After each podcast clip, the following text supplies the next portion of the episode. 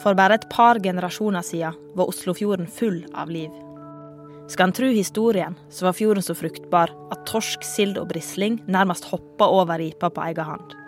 Folk som bodde langs fjorden, livnærte seg på fisken, og det gjorde sel, hval, hei og sjøfugl òg. I dag tilhører hval og hei historien. Sjøfuglen ligger død langs strender og holmer, og den lokale torskebestanden er utrydningstrua. Økosystemet sånn som vi kjenner det, er nær kollaps. Hvordan kunne dette skje?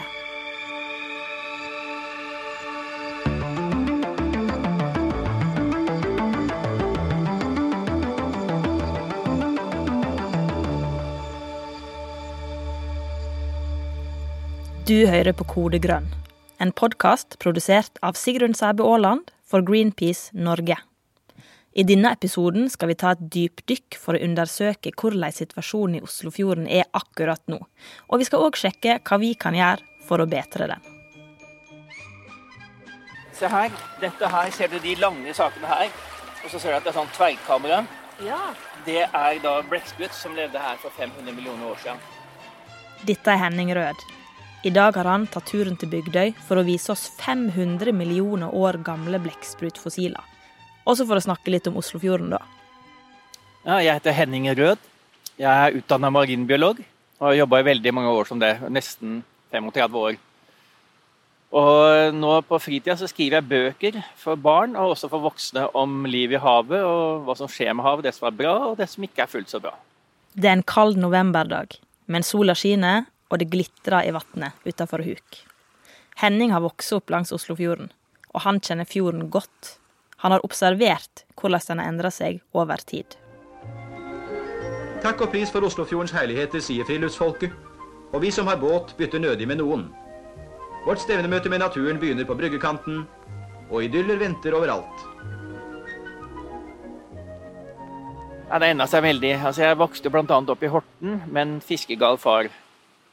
Og Det betydde jo det at uh, sommerferiene for meg det var å dra ut klokka fire om morgenen sammen med pappa og broren min og fiske etter makrell og annen fisk. Eh, mest for hyggens skyld, men også litt matauk, som sikkert var for mange på den tida. Og det var mye fisk. Det var veldig mye fisk. Og da husker jeg, som åra gikk, og pappa fiska mindre og mindre, så spurte jeg liksom hvorfor, og så sa han at det er ikke noe særlig fisk jeg får lenger. Er, det er, greit nok, da, men det er ikke det vi fikk før. Og så pleide han alltid å legge til. Og bestefar pleide alltid å fortelle når han fiska her, så var det mye mer fisk. Og nå har jeg venner i Horten som er totalt fiskegale, som ikke lenger har båt, og som ikke lenger fisker. Og hvorfor? Jo, det er ikke noe fisk å få. Det er nedslående å tenke seg at fiskebestanden i Oslofjorden har endra seg så mye på bare et par generasjoner. Men så har jo livet på land òg endra seg voldsomt i samme tidsperiode. Og mens vi blir flere på land, så blir det tilsynelatende færre under overflaten. Men er situasjonen så ille som det kan virke som? Er det virkelig sånn at fjorden er i ferd med å dø? Det er ikke sånn at Oslofjorden ligger, ligger, på, på lite parad, altså ligger på døden. Det er det ikke. Men eh, varselsignalene er såpass store. F.eks. når torsken forsvinner i så stor grad at fiskerimyndighetene, som ofte er veldig konservative, går inn for å frede den for Oslofjorden og langt ned på sørlandskysten, så er det ikke uten grunn. Og når blåskjella forsvinner, og folk ser at det like lenger er mulig å plukke blåskjell på hytta der hvor de er vant til å plukke blåskjell, da er det noe stort som er i ferd med å skje. Og tilsvarende med f.eks. stillehavsøsters som kommer inn, og på steder hvor aldri har vært østers kanskje noen gang, og hvor folk skjærer seg på dem når de er ute og bader, da er det heller ikke noe hyggelig. Og så er det en, masse andre ting som skjer. Eksempel så er eh, viser at nå begynner vi å bli så mange folk under fjorden at de renseanleggene vi har, de gjør ikke en god nok jobb lenger. I tillegg så kommer dette her at det kommer masse mer nedbør. Og når det kommer den nedbøren, så er den mye sterkere enn ellers. Og Det betyr også at mye av det vannet som egentlig skulle vært rensa, det flommer over renseanleggene og kanskje slipper ut i havet uten å ha vært inne på et renseanlegg i det hele tatt. Og da betyr det at fjorden får veldig mye tilførsel av næringssalter. Og vi vet alle det at hvis du gjødsler plantene dine en gang i måneden eller en gang i uka, avhengig av hva slags plante er, så går det stort sett bra. Men gjødsler de hver eneste time, så går det ikke lenge før de dør. Mange kjente arter har altså forsvunnet fra Oslofjorden. Flere står i fare for å bli utrydda, og nye, ukjente arter kommer til.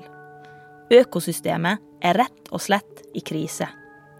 I tillegg er det som Henning er inne på, altfor mye gjødsel og avfallsstoff i fjorden. Og den menneskeskapte globale oppvarminga, ja, den gjør alt verre. En annen som kjenner Oslofjorden godt, det er Even Moland. Ja, mitt navn er Even Moland. Jeg er seniorforsker ved Havforskningsinstituttet. Og min arbeidsplass den er ved Flødevigen, som er en uh, gammel forskningsstasjon utenfor Arendal. Så hva tenker egentlig havforskeren er grunnen til at Oslofjorden er i krise? Ja, Det er et stort spørsmål. Men hvis vi skal prøve å være litt, uh, litt um, kortfatta, så er jo det summen av menneskelig påvirkning på fjordsystemet. Og det er da den langva langvarige fiskeripåvirkningen, helt siden man begynte å høste av, av fisken.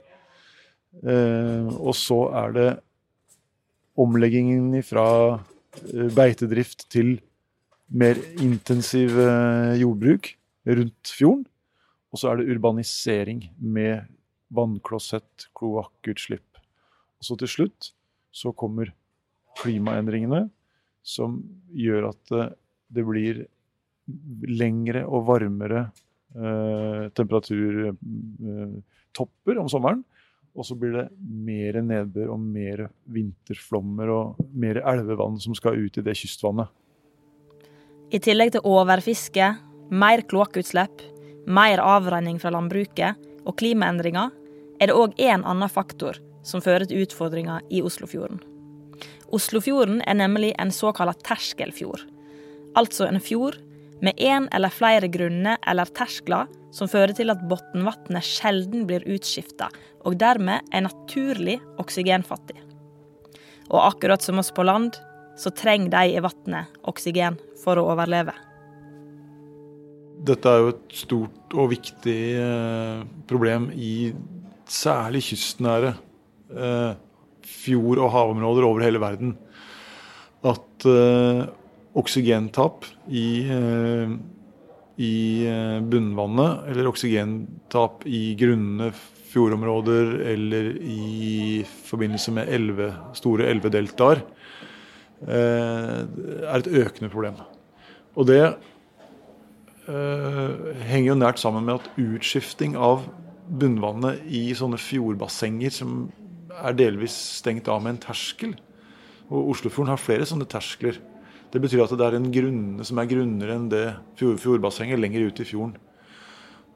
Og det, det, fører til at det blir mer sjelden utskifting.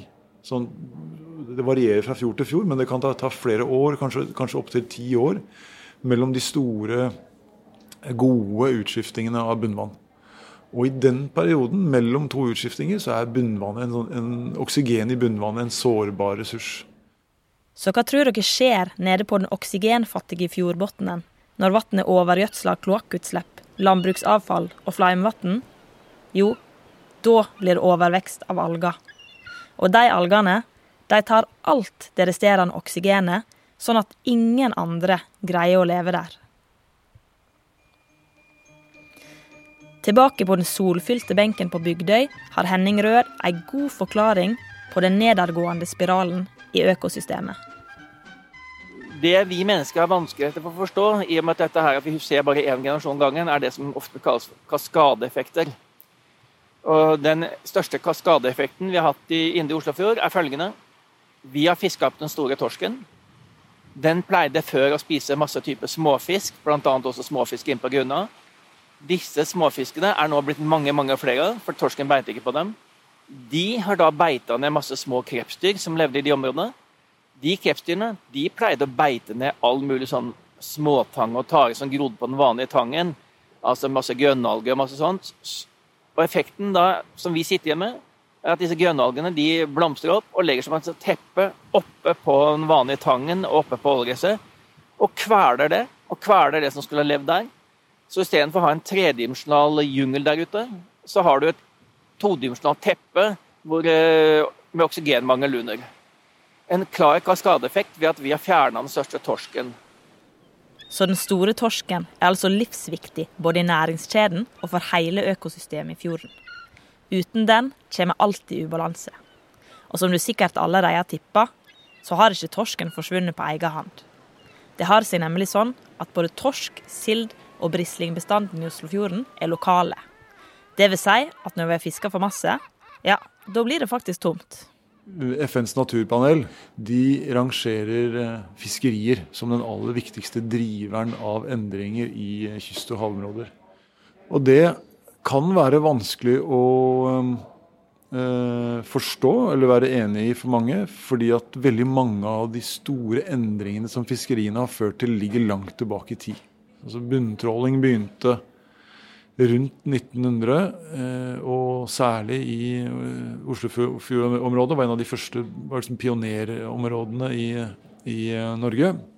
Og da eh, var jo det en veldig effektiv og moderne ny måte å fiske på, som ga et helt annet potensial for levebrød og inntekt for eh, fiskerne.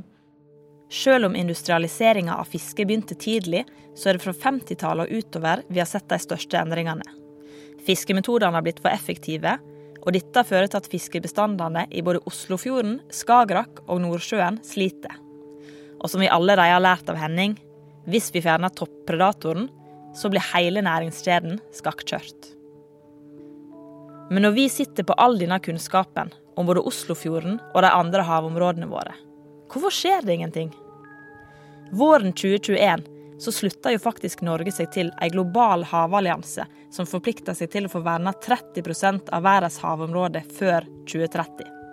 Paradoksalt nok viste Solberg-regjeringa lite velvilje når det kom til vern av norske havområder.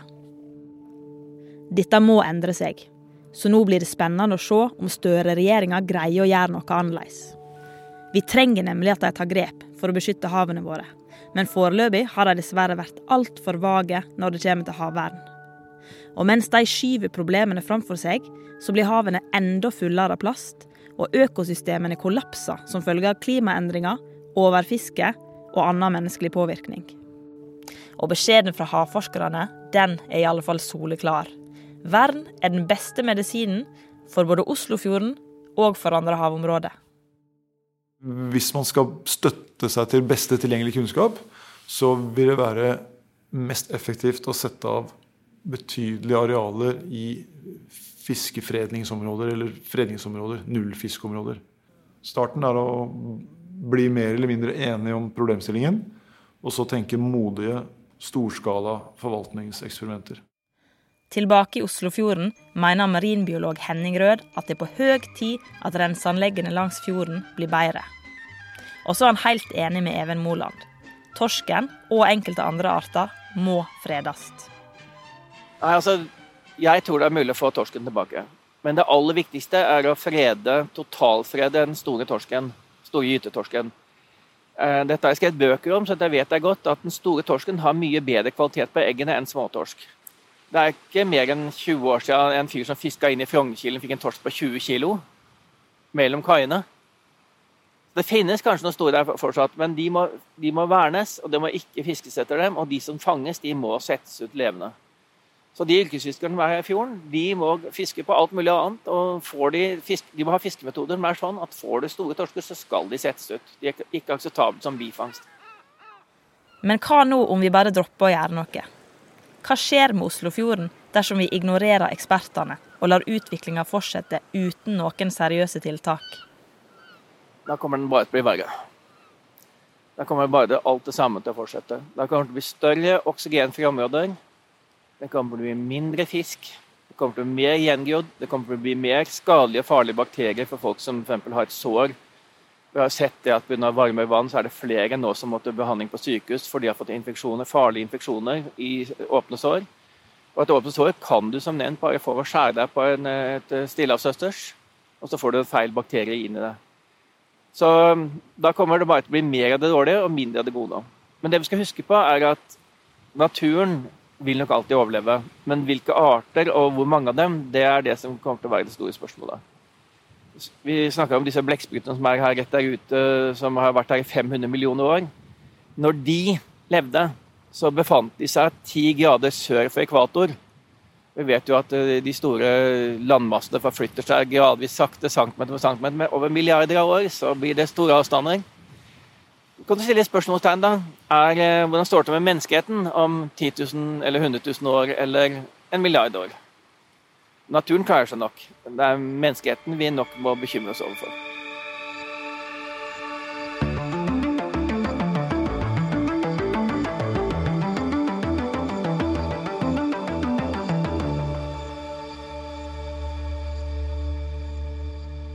Du har hørt på Kode grønn, en podkast produsert av Greenpeace Norge.